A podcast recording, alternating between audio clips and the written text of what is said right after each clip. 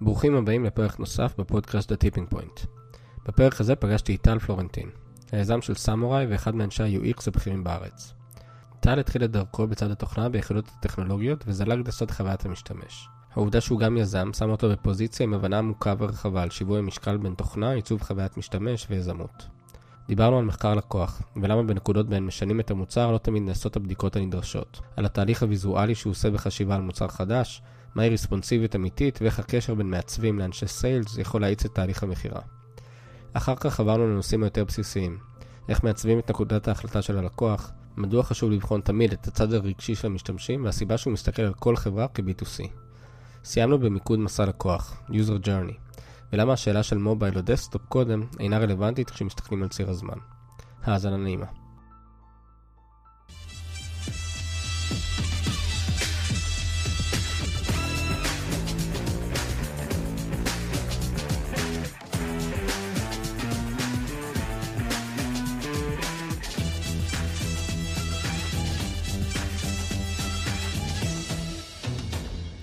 שלום טל. צהריים טובים, מה נשמע? בסדר גמור, מה קורה? מעולה. יופי. אתה האיש דיזיין הראשון בפודקאסט, ברכות. זה כבוד גדול. uh, טוב, אז אנחנו נדבר היום על, על המון דברים סביב הנושא של דיזיין וביזנס ו- ויזמות, כי יש שם איזשהו מתח כזה של... Uh, תמיד אומרים, רוץ הכי מהר, תוציא כמה שיותר מהר, כאילו, עזוב אותך הכל. ואז מה שנקרא הקלה מאוד מכוערת, והיוזר לא רוצה לראות אותך יותר, ו... ו... ומתחיל פה איזושהי uh, מערכת יחסים שהיא שונה. Um, אנחנו הולכים לדבר על כל המתח הזה, על, על איך לבנות את הדברים נכון, על, על המון קונפליקטים שיש בתהליך הזה, uh, אבל קודם כל קצת תציג את עצמך לאנשים שעדיין לא הכירו אותך. אז אני אעשה תקציר אירועים קצר ואנסה להתמקד בעיקר.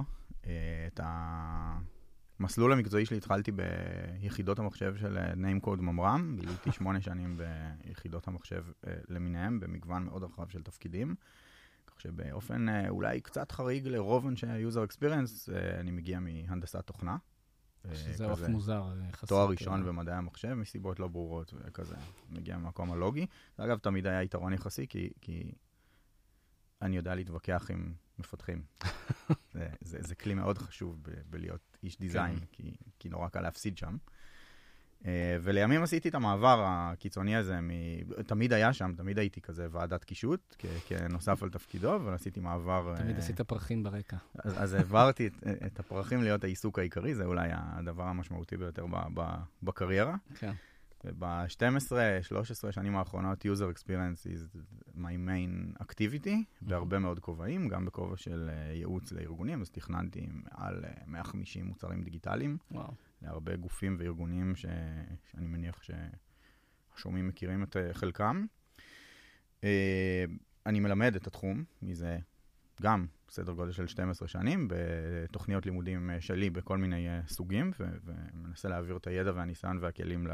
לדור הבא או לדור שכבר עכשיו אה, אה, עוסק בתחום. כן. אה, אז הצד הזה של הדרכה, תמיד, תמיד הקפדתי, תמיד אומרים שמי ש, שלא יודע לעשות הולך ללמד, אז, אז ניסיתי לשבור את, ה, את המוסכמה הזאת ולהיות כל הזמן בשני המקומות האלה. כן, זה קשה. ואולי השינוי השני הדרמטי במסלול זה שאחרי הרבה שנים של להסתכל על בני אדם ולהבין אותם ולתכנן ממשקי משתמש לארגונים ולהועיל במקום הזה, mm-hmm.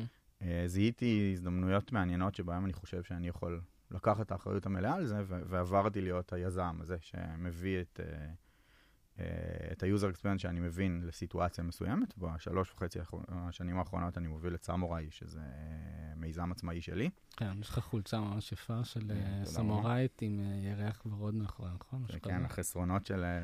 שאי אפשר לראות עכשיו, אבל... כן. אה, לא, אבל זה, עברנו קצת על המערכת שלכם לפני שהתחלנו להקליט. אה, נשמע סופר מעניין, המון פוטנציאל, אה, ומן הסתם האתגרים של יזמות. אבל מן הסתם, גם יצא לך המון, המון ללמוד תוך כדי זה על, על הקושי של יזם מול, מול עיצוב, למרות כל השנים שעסקת בהם לפני זה. אז נתחיל ככה קצת אה, לדבר על הדברים, אה, על, הדברים ש, שנראה לך שהם הכי מהותיים אה, ליזמים שבינינו. אני רוצה שכן נתחיל לדבר דווקא על, ה, על הבדיקה שעשינו למערכת שלך לפני שהתחלנו. כי זה משהו שנראה לי אתה תופס כל בן אדם שאתה יכול ו- ומראה לו. אני, אני חושב ש... תראה, יש, יש אולי משהו שמייחד את האופי שבו אני מתנהל כיזם, אה, כי, כי איש user experience זה, זה, זה כבר ברמה של בנשמה, זאת אומרת, עקרונות היסוד של מה זה לעסוק experience, הם כנראה חלק מובנה מכל מה שאני עושה. אה, ואני אני אגב חושב שיש שם דברים שהם לגמרי נגישים וברי ביצוע לכל מי שעוסק ביזמות, ואני אנסה להעביר את עיקרי הטיפים האלה באמת לכל מי שעושה את זה, כדי שתוכלו ליישם את הגיידליינס האלה, אבל uh, באמת בשיחה שלנו, אנחנו עכשיו בוחנים את מערכת היחסים בין מה שאנחנו עושים בסמוראי, uh, שזה הנגשת תוכן באודיו, mm-hmm. לבין uh, עולם הפודקאסטים. עד עכשיו הייתה לנו הפרדה בין הקטגוריות האלה. אנחנו בעצם נתנו כלי לארגונים לתת פודקאסט בלי לתת פודקאסט. Mm-hmm.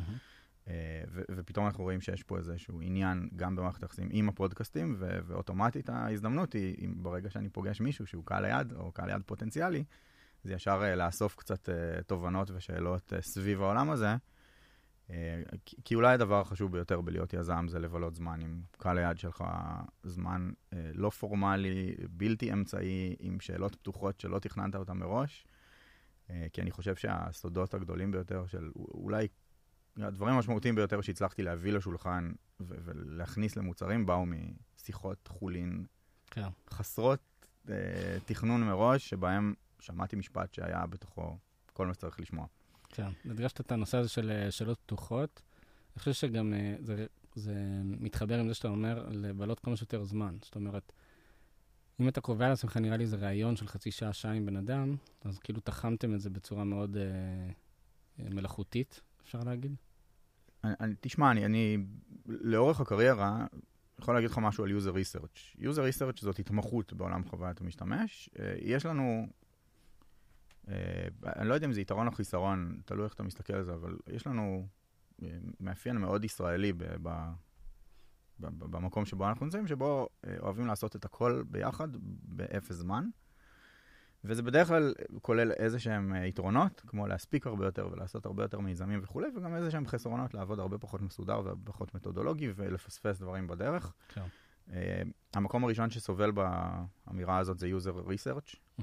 רוב אנשי ה-UX ב- בישראל, אחוז נכבד מהם הם גם מה שנקרא UX UI, שזה מונח בעייתי שאני לא אכנס לשגיאות בו, אבל אנשים שהם גם אפיון וגם עיצוב גרפי. ובהיותך מעצב הגרפי שצריך לייצר אסטים, יהיה לך מעט מאוד זמן ב- ב- ביום-יום, בעיקר באיטרציות של agile כאלה, לאפיין.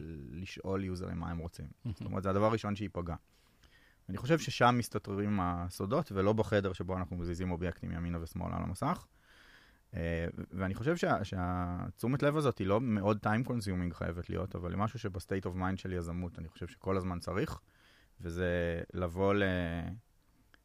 לקהל היד ולנסות להבין אותו. תשים לב, אגב, למשהו קטן שהיה לנו, אפילו לא תכננתי את זה, וזה שלפני שהראיתי לך מה אנחנו עושים, שאלתי אותך שאלות. זאת אומרת, בדרך כן. כלל התהליך הוא הפוך, מראים את המוצר ושואלים מה דעתך, והמודל אה, אה, אה, צריך להיות הפוך. אני קודם כל צריך להבין מי אתה, מה האינטרסים שלך, איך נראה היום בחייך, ומה... ולנסות להשתלב בתוכו. זאת אומרת, כן. לשנות התנהגויות של אנשים זה תמיד יהיה הרבה יותר קשה מלהתחבר למשהו שהם עושים. ושם יש טריגרים שאנחנו מנסים לחפש. כן. וזה שיחות פתוחות, אני יכול להגיד לך שבחודשים האחרונים עשיתי עשרות של שיחות כאלה. אה, אגב, באמצעות sourcing, עשיתי hiring בפלטפורמה של Upwork לקהל יעד מכל העולם של אנשים שהם קהל יעד שאני רוצה לבלות איתם זמן. אה, שילמתי להם, אגב, עבור שעת ייעוץ, כאילו, קיבלתי את זמנם בתשלום. ובשעת הייעוץ הזאת שאלתי אותם המון שאלות עליהם והראיתי להם קצת את המוצר, בדיוק בשביל זה, בשביל לקבל פידבק, להבין איפה זה מתחבר, מה אנחנו מפספסים. אה, וככל שעושים את זה, אגב, מוקדם יותר, אז לא צריך לתכנן מוצר ואז לכפות אותו על יוזרים, אלא אפשר לבנות את המוצר ברוח כן. מה שמשתמשים צריכים. אה, אני חושב שנורא אופייני ביזמות לכפות על יוזרים את הבעיה ואת הפתרון. אה, ופחות כיף שם. כיף להיות בבעיה שידועה ופשוט לפתור אותה. כן, זה כן, זה, זה אחת הבעיות העיקריות שאתה כאילו מתחיל איזשהו, יש לך את הרגע, ההר-מומנט הזה, היוריקה שלך, ואז אתה בטוח שכולם חושבים כמוך ואתה רץ על זה. מה שאתה מתאר פה בעצם זה תהליך שהוא אה, קצת הפוך. זאת אומרת, אתה אומר, אני מבין שיש איזשהו אה, אה, עולם שיש בו בעיה, ועכשיו בואו ננסה כאילו להבין מה, מה המהות של הבעיה, או איפה, מה ה single source אה, שלה, מאיפה היא מתחילה. אני, אני אעשה לך שנייה, נחבר את זה לפרקטיקה, כי אני חושב שזאת אמירה טריוויאלית בדרך כלל, כאילו להגיד את זה ליזמים, להגיד לכו ליוזרים ותשאלו מה הם צריכים נכון. וכולי בתחילת הדרך. כאילו את זה אני חושב שהתעשייה כבר יודעת לעשות, אבל מה, מה קורה זה, כן. במציאות? כן. אתה מתחיל עם מודל, ועם הזמן המודל שלך מקבל זוויות כאלה. אפשר לקרוא לזה פיבוט, אפשר לא לקרוא לזה פיבוט וכולי, אתה, אתה מתאים את המוצר. בתהליכי ההתאמה של המוצר אתה בדרך כלל משנה אותו מהותית, ושם אתה כבר לא בודק. זאת אומרת, אתה אומר, רגע, אם אה, זה לא עובד לי, בוא נעשה את זה. אני חושב שבכל נקודת שינוי כזאת, אה, צריך להיות עימות אמיתי מול, אה, מול בני אדם שהם קהל ליד. זה, זה הרבה פעמים יגרום לשינוי הזה לא לקרות, או הולך לכיוון אחר. זאת אומרת, הוולידציה צריכה להיות לכל אורך הדרך. ואני אגב לא יכול להגיד שבכל ההזדמנויות האלה אני, אני עמדתי בגיידליין הזה, זאת אומרת, גם אני סובל ממחלות היזם, למרות היותי UX, אני מנסה מאוד להיות by the book, וזה לא תמיד מצליח. זה מאוד מפתה, אתה יודע, להגיד הבנתי ובוא נמשיך הלאה. אה, כן, אני מסכים איתך, אני פשוט, אה, יצא לי גם, אה, אתה יודע, במהלך היזמות שלי, יצא לי להיות בכל מיני סיטואציות כאלה שממש הרגשתי שאני מבין הכל. ואז אתה רץ למשהו. מה שאני למדתי על עצמי, מהפת... מהפתרונות שהבנתי שעזרו לי לצאת מהסיטואציות האלה, זה באמת כל הנושא הזה של MVP. כאילו, ה user אומר לך, כן, הלוואי והיה לי את זה, ואז אתה מהר מהר בונה לו את ה... אתה מרגיש שהנה, עלית על משהו, ועכשיו כל המודל, ואתה מתחיל לעדכן את המצגת ו... ולראות את המספרים וזה, אבל אם אתה עוצר שנייה ואתה אומר לו, הנה, קח פתרון שעושה 20% ממה שביקשת. ואז פתאום אתה רואה שהוא מתעסק לזה פעם אחת ועוזב את זה. ואז אתה מבין ש... שזה סתם איזה מוקש שעלית עליו, והוא לא באמת אה, ה... חלק מהדרך ל... ל... לבעיה האמיתית. תראה, גם על MVP יש לי, יש לי הרבה מה לומר. אני חושב שהמונח MVP הוא שחוק. מסוג המונחים האלה שאתה יודע, אומרים אותם המון, וכל אחד מסתכל עליהם קצת אחרת. Mm-hmm. אני חושב שיותר ויותר ארגונים ויזמים משכילים להבין שה-MVP צריך להיעשות כראוי. כן. צריך לזהות בעיה כראוי ולהגיש פתרון כראוי, ולא להגיש את הדבר הראשון שיצא לך ואיתו לצאת אה, לשוק, כי, כי לפעמים אנחנו נפסיד רק בגלל איך שהוא מוגש ונראה, ולא בגלל שהוא לא נכון. אה, אני חושב שהמרכיב שאולי אה, התחלת איתו קודם, החיבור הזה בין ביזנס לדיזיין, אני, אני חושב שכדאי להשכיל ולחבר אותו הרבה יותר קרוב. זאת אומרת, אם, אם היום design הרבה פעמים נמצא אחרי ה product, בביצוע, כן. אני חושב ש design צריך להיות נורא קרוב ליזמות, זאת אומרת, לאינישיישן של דברים. אה, כי, כי הכלים להמחיש דברים, לבדוק דברים, לבחון אותם בעולם ה design, אה, הם מאוד זמינים. זאת אומרת, אפשר מאוד מהר להגיע להדמיה ויזואלית של משהו, ולשים אותה במקום, כן. כדי לראות אם היא עובדת או לא. אפילו לא חייב שיהיה הרבה שכל מאחורי זה. זאת אומרת, ש... אה, אבל כן הייתי משקיע ברמת הגימור שלה, כדי שהיא תרגיש מוצר. כן. אני יכול להגיד לך שאחד הדברים שאני מאוד נהנה מהם, אולי, אולי הדבר שפתח לי הכי הרבה דלתות בתהליך שלנו בסמוראי, זה שהמון פעמים, לי יש צורך כזה, visual thinking, אני, אני חייב לראות ויזואלית את מה שאני מדבר עליו. זאת אומרת, אה, אני, אני הרבה פעמים אקח רעיון ויעצב לו את ההום פייג', mm-hmm. או יעצב את האפליקציה, את, את, את ה visual, כדי להבין מה זה הרעיון הזה. עכשיו, זאת גם שיחה, אני נהנה שזה אותו בן אדם, אז יש כזה פיצול אישיות ואני מדבר עם עצמי, כן. ותוך כדי מבין. בסיטואציה שזה שני אנשים גם זה מאוד בריא, כי הפינג פונג הזה הוא מאוד מועיל, הוא הרבה, אגב הרבה יותר מועיל כי לי אין איזונים. Mm-hmm. אבל לראות ויזואלית הדמיה של המוצר בשלב החשיבה עליו, זה א', מאוד אה, מועיל מבחינת להבין מה עושים. זה, זה מאוד, אגב, cost effective, זה צריך להיות מאוד מהיר ומאוד זול. Mm-hmm. אה, וברגע שאני בא לספר סיפור, אם אני אציג מצגת ואתאר אותה במילים ובדרמות ובמספרים וכולי, יהיה אפקט שונה לגמרי מאשר אם אני פשוט אראה את המוצר עובד. אחד הדברים אני יכול להגיד לך ש- שאנחנו עשינו ככלי business development או sales, אה, זה הדמיות אמיתיות של המוצר על תוכן של לקוחות שלנו. למשל, יש לנו יכולת לשים player אה, בתוך בלוג. Mm-hmm. אני יכול לספר על זה שעה, יהיה, לאנשים מאוד קשה לדמיין מה אני רוצה, ולכן פיתחנו יכולת. אני הולך לאתר האינטרנט של הבלוג של הלקוח הפוטנציאלי, אני עושה screenshot כזה של כל הדף, אני מעלה אותו אצלנו, מלביש עליו player, ושולח לינק, או פותח ב live לינק של הבלוג עם ה player embedded. עכשיו, זה, זה פיתוח שלקח יומיים. אין כן. פה איזה rocket science, לא עשינו שום דבר שלא עשו קודם, אבל זה כאילו שה-UX יהיה כ hack עבור sales. זאת אומרת, זה חיבור שבדרך כלל לא קיים. זאת אומרת, user experience משרת את ה product, הוא לא משרת את ה sales או את ה bizdev. אתה אומר בכלל, כל הקיצור של המעגל הזה, שבדרך כלל יושב בצד אחד ה bizdev, ואז יושב אה, אולי איש marketing ואיש product ומי שאחראי לפיתוח, ובקצה השני שלו יושב המעצב, אתה אומר, סגרו את המעגל הזה. תסגרו את המעגל, אפילו את, זה יכול להגיע לזה שאחוז משרה מסוים מושקע בזה. זאת אומרת, תעדוף משימות לטובת sales. עכשיו, התוצאה של זה, זה שהרבה פעמים אני מראה את ה visual ב slide הראשון, ואז אני בא לחפור עליו ואומרים לו, עזוב, עזוב, הבנתי. כן. שם, אתה יודע, עזוב, הבנתי כמה זה עולה. אז עזוב, הבנתי כמה זה עולה, או עזוב, הבנתי, זה לא מעניין אותי. כן. שתי התשובות לגיטימיות, אבל קיבלתי אותן נורא מהר. עכשיו, אני יכול להגיד לך שכשיצאנו למשל עם העולם תוכן של סיכומי כנסים, ורציתי להגיע לכנסים המדהימים ביותר בעולם, cold calls בלינקדאין, כאילו ההודעות הכי האלה. שאתה, שאתה יודע שלא יצא מזה כלום, אבל כן. אין לי ברירה. קיבלנו מענה מכמה כזה שאמרו, בסדר, וזה, עלינו לכזה סקייפ, והצגנו את זה. ואז הייתה מכירה בסקייפ של 20 דקות. זאת אומרת, לא. שאלו אותי את השאלה המפחידה ביותר, מי הלקוחות שלך?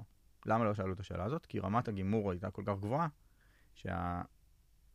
שהמכירה הסתיימה שם. זאת אומרת, זה, זה, זה עבר למקום הרגשי של "אה, אנחנו רוצים כזה. כן. ו... אתה אומר שהעיצוב... כאילו אה, פתח דלתות ש... שפתאום אני מבין כמה הסקיל הזה מקצר דרכים, כי, כן. כי אם הייתי צריך לתאר להם, ואז להסביר, ואז לדמיינו, ונשלח לכם לינק למשהו אחר וזה, זה קשה שם. כן. אתה אומר שבעצם העיצוב גרם להם כאילו להיות הרבה יותר קרובים ל- ל- לנקודת ההחלטה. במקום שהם עכשיו יבינו, רגע, אה, כמה זמן ייקח לך, ומי עוד משתמש בזה. ואיך זה ייראה, ו- ומה זה יעשה וכולי. ברגע שאתה רואה את זה ונוגע בזה, התהליך יתקצר משמעותית. אה, אבל כאילו יש פה איזו אמירה ש- ש-UX וסיילס צריכים להיות חברים, זאת אמירה שאני מניח שאנחנו לא פוגשים הרבה. אה, לא, לגמרי, אני... אני מכיר את האמירה הזאת, אבל אה, נראה לי שגם נתת קצת דוגמאות שהורגות את זה למי שעדיין ככה לא היה, לא היה סגור על זה. אה, וגם זה מאוד מתחבר לנקודה הבאה שאנחנו רוצים לדבר עליה, שזה, שזה בכלל הסתכלות שהיא B2C, לא משנה מה אתה עושה. אה, וזה מאוד מזכיר את מה שאתה אומר על, על שיחות sales, שפתאום מישהו אומר לך, כזה תעשה לי. אז אנחנו התחלנו מפתרון B2C, במקור ה service היה add-on ל browser, אני שולח מאמר שנתקלתי בו ומקבל תקציר שלו אה, מאוחר יותר ל- אה, ל mobile, ורמת הגימור המחייבת בשביל לצאת לעולם ממוצר כזה זה player ב mobile שהוא outstanding, הוא נורא נוח, הוא פותר הכל, ו- ובמשך חודשים ארוכים השתמשתי במוצר, ו- ו- כאיש user experience אספתי באגים וגימורים וזה, וזה זה endless, זה, זה תהליך כן. מייגע ו- ועם המון סבלנות, גם בצד של הפיתוח אגב, שאני מטריף אותם על פיקסלים, גם ברמת ה details של מה צריך לקרות בתסריטים שבהם הייתי ו- והרגשתי את המוצר.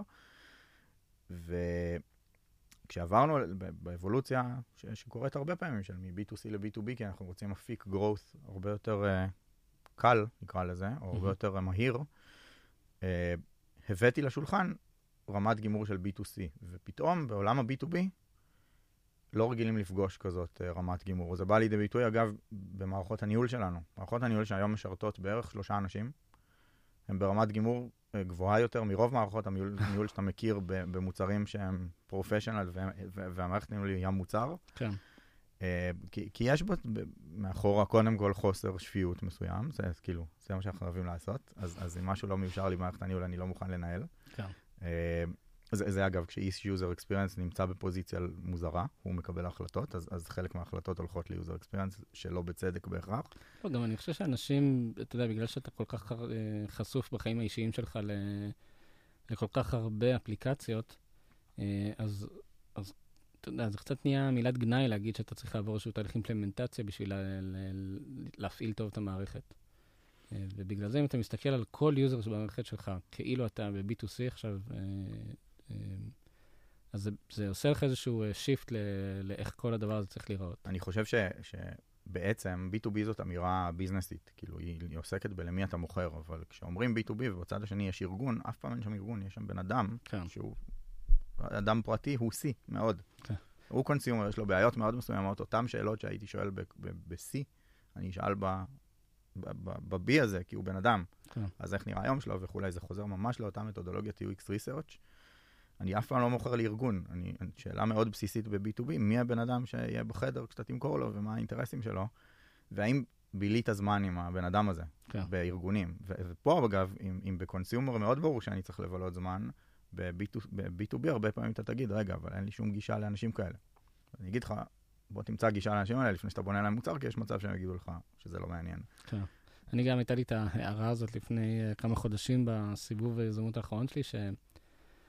שהבנתי שאין כזה באמת דבר B2B. כאילו, או שאתה B2C או שאתה B2B2C. כאילו, אם אתה לא מסתכל בסוף על ה user האחרון שלך, על כמה פשוט לו להשתמש במערכת שלך, אז הוא לא ישתמש, ואז כשיהיה איזשהו קיצוץ, אז יגידו, רגע, למה אף אחד לא משתמש בתוכנה ההיא?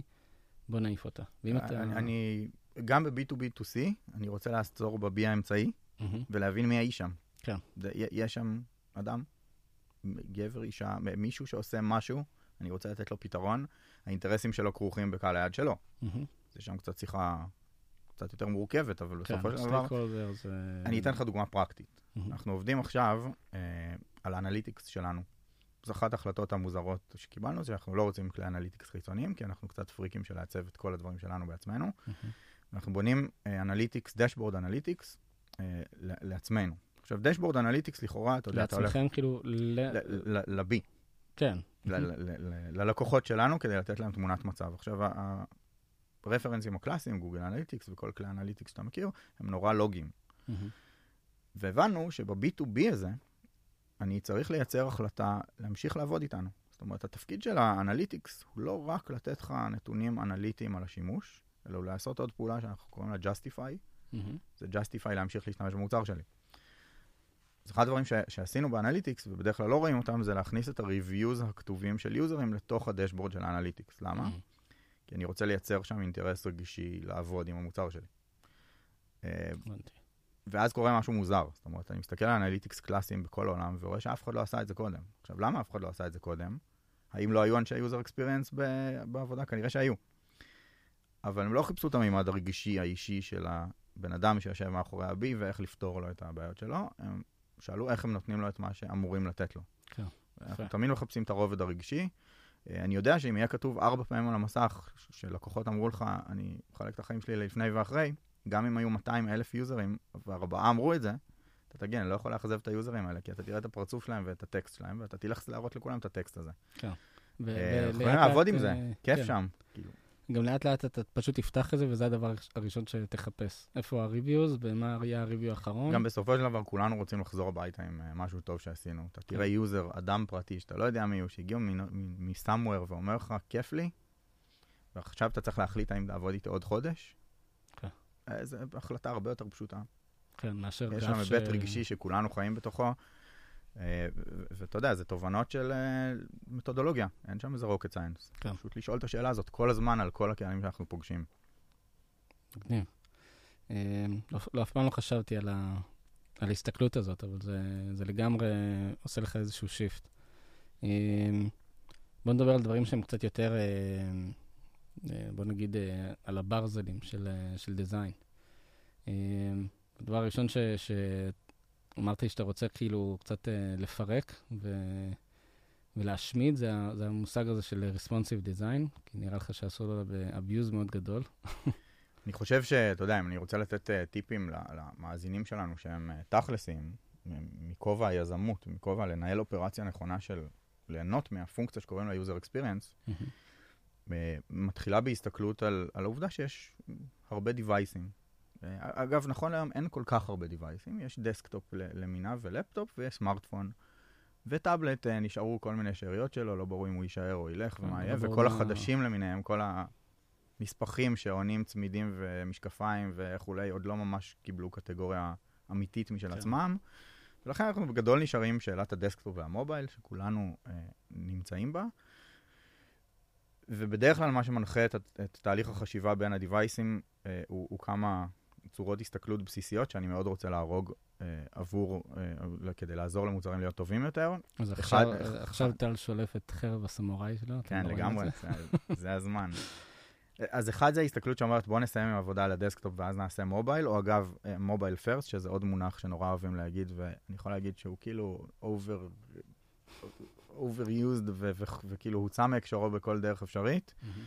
אני יכול להגיד שכאיש מקצוע שעשה באמת אה, עשרות רבות של מוצרים, ממש לא אכפת לי אם תתחילו מהמובייל או מהדסקטופ. המובייל הוא לפעמים הזדמנות מאוד מעניינת, כי המסך קטן ומאתגר יותר, אפשר לקבל שם החלטות טובות יותר. אה, אבל המונח Responsive Design אה, יוצא מנקודת ההנחה ש-once עשיתם אחד מה- מה- מהממשקים, ועכשיו יש מסך מסוג אחר, אז צריך להתאים את התוכן לגודל המסך. ואני רוצה להגיד בצורה אה, יהירה וקיצונית, שאין אין משפט טיפשי יותר מהצורך להתאים את המוצר לגודל המסך. גודל המסך זאת פונקציה מאוד משנית בסיפור. בדרך כלל מה, מה קורה ב-responsive design? בא מנהל המוצר, וסליחה על הסטריאוטיפיות, על הגדרת התפקיד וזה, אבל, ולוקח את הבראוזר ומתחיל ל- לשחק עם הרוחב שלו, כן. ורוצה לראות שכל האלמנטים יושבים טוב בכל המצבים. אה, ואחד הדברים שאני תמיד, כשאני רואה את זה, אני אוהב לשאול, זה מי היוזר שעושה את הפעולה הזאת? איזה יוזר בא, אומר, בוא נבחן את הזה, ומתחיל לשחק עם הגודל של ה browser. אה, יוזרים הם או בדסקטופ למיניו, ואגב, הוא צריך לראות, מה שאנחנו עושים צריך לראות מצוין בדסקטופ, בכל סוגי הדסקטופ למיניהם. אה, או שהוא משתמש בסמארטפון.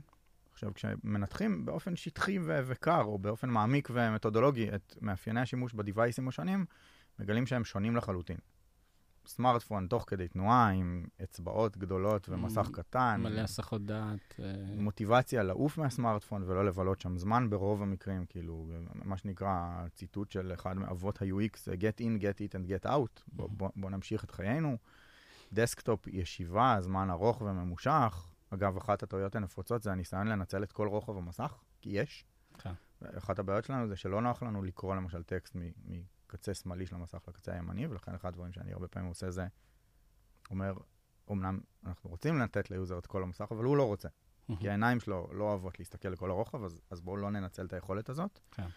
וכשממפים את צורות ההתנהגות, רואים שגם היוזר מגיע עם אינטרסים שונים לגמרי בדסקטופ ובמובייל, וגם אנחנו כמי שמובילים את המוצר, יש לנו יעדים שונים בדסקטופ ובמובייל. והתוצאה של, של הניתוח הזה, של מי קהל היעד שלנו בכל device, מה היינו רוצים להשיג במפגש איתו בכל device, מייצרת באופן די טבעי ממשקים שונים לחלוטין בכל אחד מהדיווייסים. כן.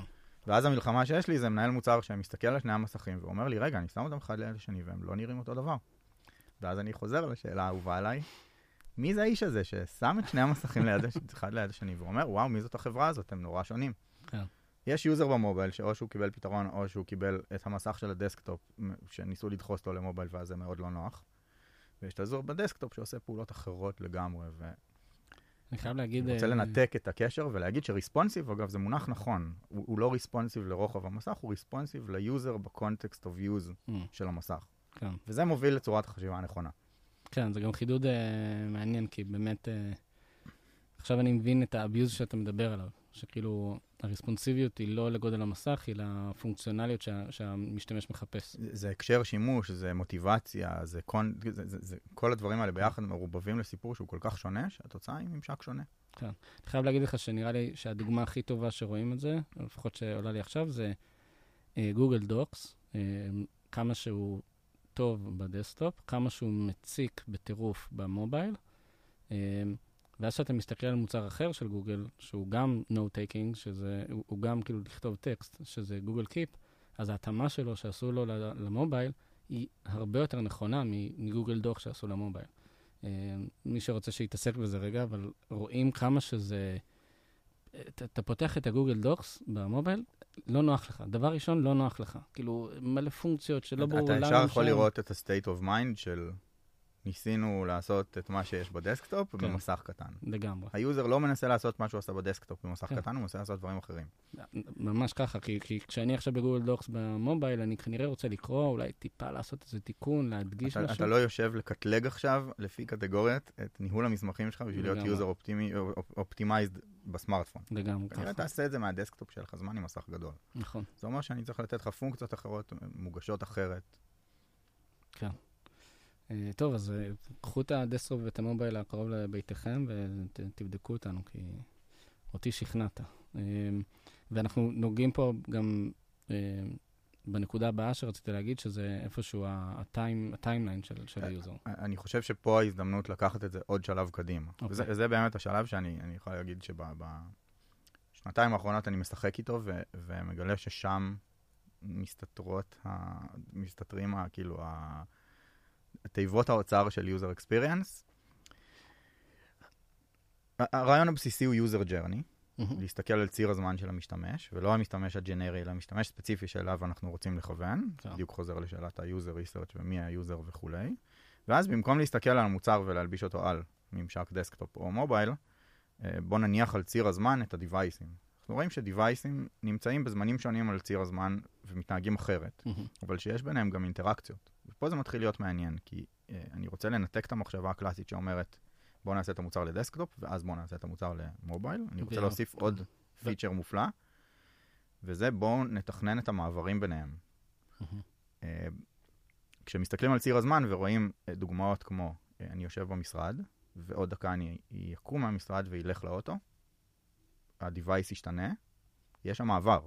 כן. Uh, האם יש קשר בין מה שעשיתי ב-desktop ומה שעשיתי, ב, ב, אני אעשה ב-smartphone? מאוד מעניין לבחון את זה. Uh, המקום שבו בפעם הראשונה שיחקתי עם ערך מוסף במקום הזה, uh, היה בתהליך, עבדתי עם כל מוביל, עשינו את העיצוב של תכנון של אתר האינטרנט של, של מיצובישי, mm-hmm. ועבדנו על הדף של, של רשימת מרכזי השירות שאתה יכול ללכת אליהם. אה, מחשבת מובייל פרסט, אם אתה יושב במשרד אז הפעלנו גיאו-לוקיישן, כדי שתוכל לראות את רשימת המרכז, מרכזי השירות אה, לא לפי קטגוריות אלא לפי המרחק ממך, אה, שזה היה כאילו feature מוביילי ב-desktop.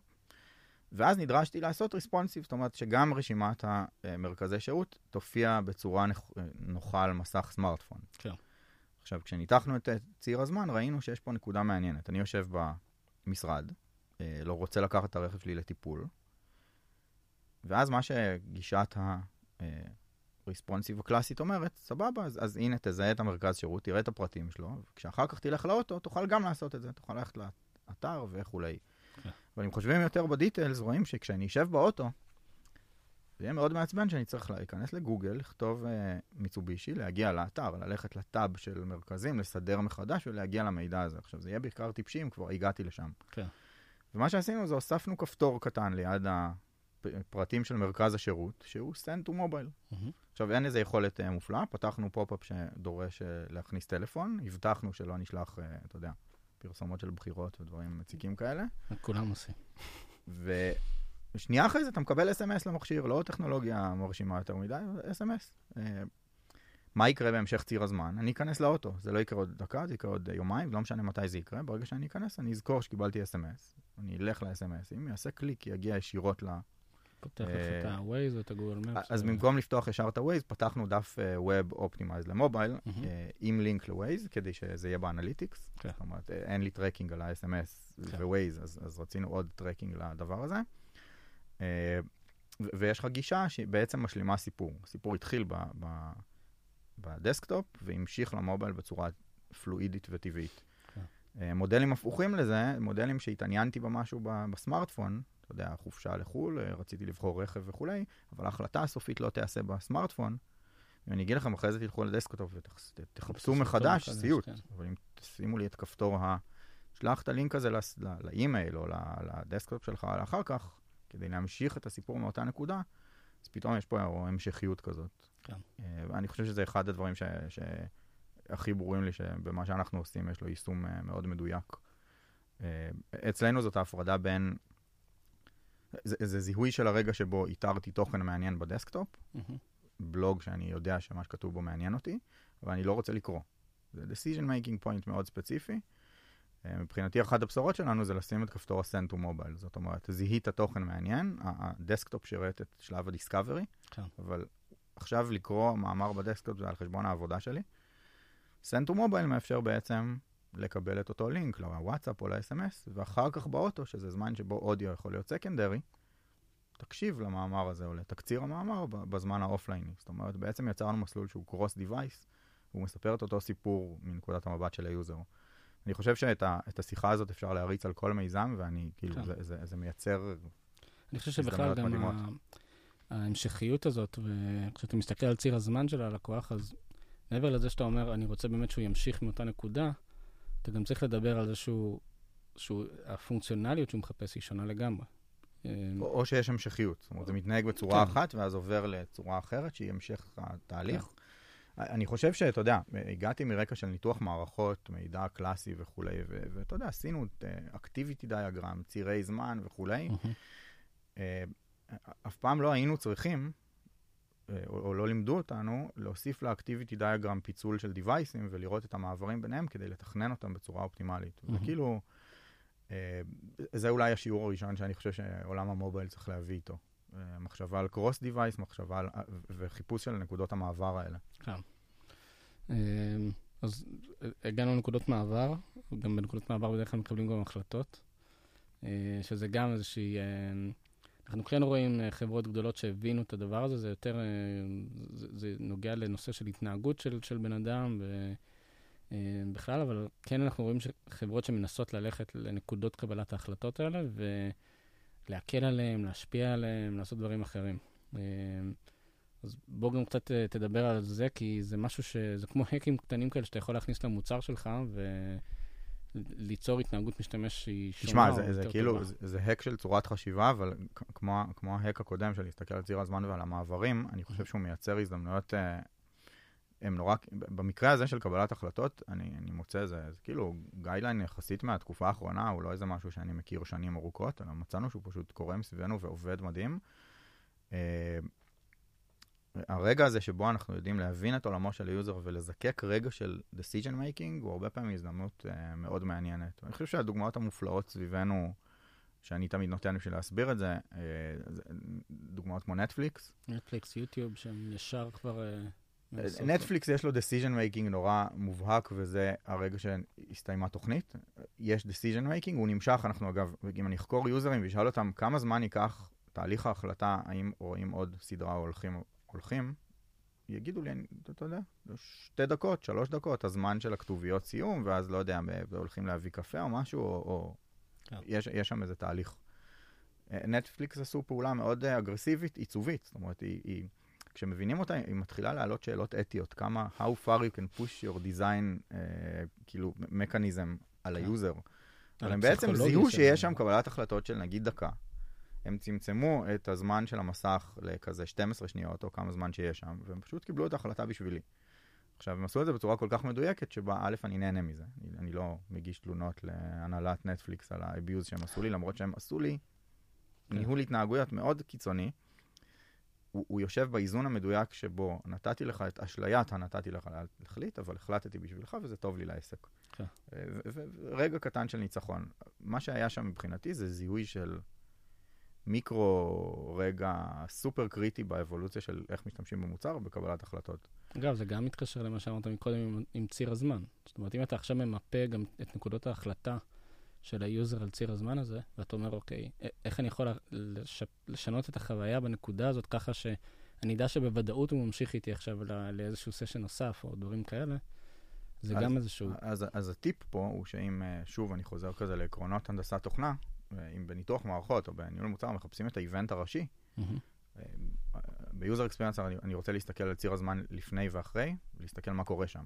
כן. זאת אומרת, אם הביקור ב-desktop היה ה-event, אני רוצה לראות מה קורה אחרי ה-desktop. קמתי והלכתי לאוטו, יש שם הזדמנות.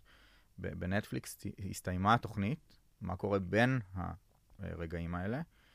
אה, דוגמה, דוגמה מובהקת לזה, שאני במשך שנים מלמד אותה, וכאילו, ואף פעם לא שמתי לב, אה, זה, זה האופן שבו אנחנו גוללים אה, תוכן בדף web, אה, מגיעים לסוף.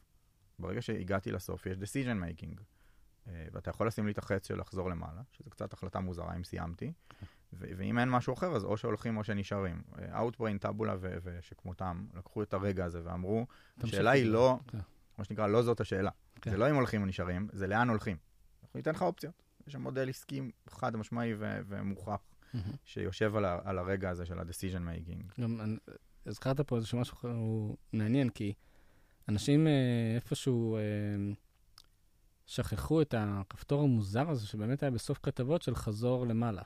כי באמת רצו לתת לך עכשיו, בוא תנווט לדברים הבאים. לחזור לניווט ולקבל את ההחלטה לאן כן. הולכים, ואני בדרך כלל קיבלתי החלטה ללכת, כן. ולא לחזור למעלה, זה מוזר לחזור נגד הכיוון, נגד הגרביטציה עד למעלה ולראות מחדש את הפריט, זה כאילו לא... כן.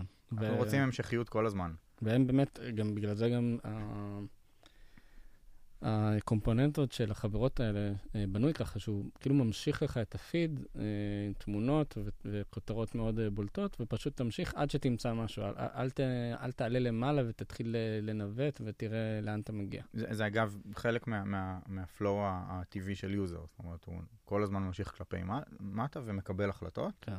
החלטה מאוד מוזרה תהיה לחזור עד הסוף למעלה, ואז לנהל שיחה. זאת אומרת, זאת החלטה מנוגדת ל, ל, פיזית לגרביטציה. זה, ה- זה הזיבזופ של, אה, של שנת אה, 2020. פעם, אה, היום שאתה מסתכל על ההורים שלך שהם אה, מזפזפים, ואתה אומר, איך אתם יכולים לזפזפ? זה כזה משעמם. אז אה, זה, בדרך- זה בדיוק מה שאנחנו עושים כשאנחנו אה, עוברים על הפיד. זה, זה אומר. שיש שם תהליך decision making, ואגב, הם משקיעים בו המון זמן ואנרגיות. אם אני יכול ללמוד אותו ולהחליט עבורם, וזה יהיה לך טוב ומוצלח, כנראה שהם יאמצו את זה נורא מהר. כן. אבל בשביל זה אתה צריך לשבת עם ההורים שלך ולבהות באיך הם מזפזפים, וזה מחזיר את שאלת ה-user research. מתי בפעם האחרונה. ישבת עם קהל יד ובהית בו מזפזפ כדי כן. להבין איך נראות החלטות שם. זאת אומרת, הקהל הדיגיטלי יש לו עולם של החלטות מאוד שונה, ואנחנו הרבה פעמים מניחים שכל השאר כמונו, ואולי השיעור הכי משמעותי שלמדתי זה שאנחנו מאוד מוזרים. אנחנו מתנהגים מאוד מוזר, רוב קהל היד שלנו מתנהג אחרת לגמרי. אה, ואי אפשר להבין למה. ולכן זה יהיה חו- חוסר אחריות לא לבלות איתם זמן. כן. טוב, באמירה אה, החזקה הזאת, אנחנו נראה לי נסיים. נראה לי למאזינים פה המון דברים לקחת איתם. אה, וזהו, המון המון תודה, היה סופר מעניין. תודה רבה. ותעקבו אחרי אה, סמוראי, זה... כל מי שיש, שאוהב תוכן, שזה כולם, אז יש לכם מה למצוא שם. תודה. תודה רבה. תודה רבה שהאזנתם לפרק. שתפו עם חברים, תעשו subscribe ונתראה בפרק הבא.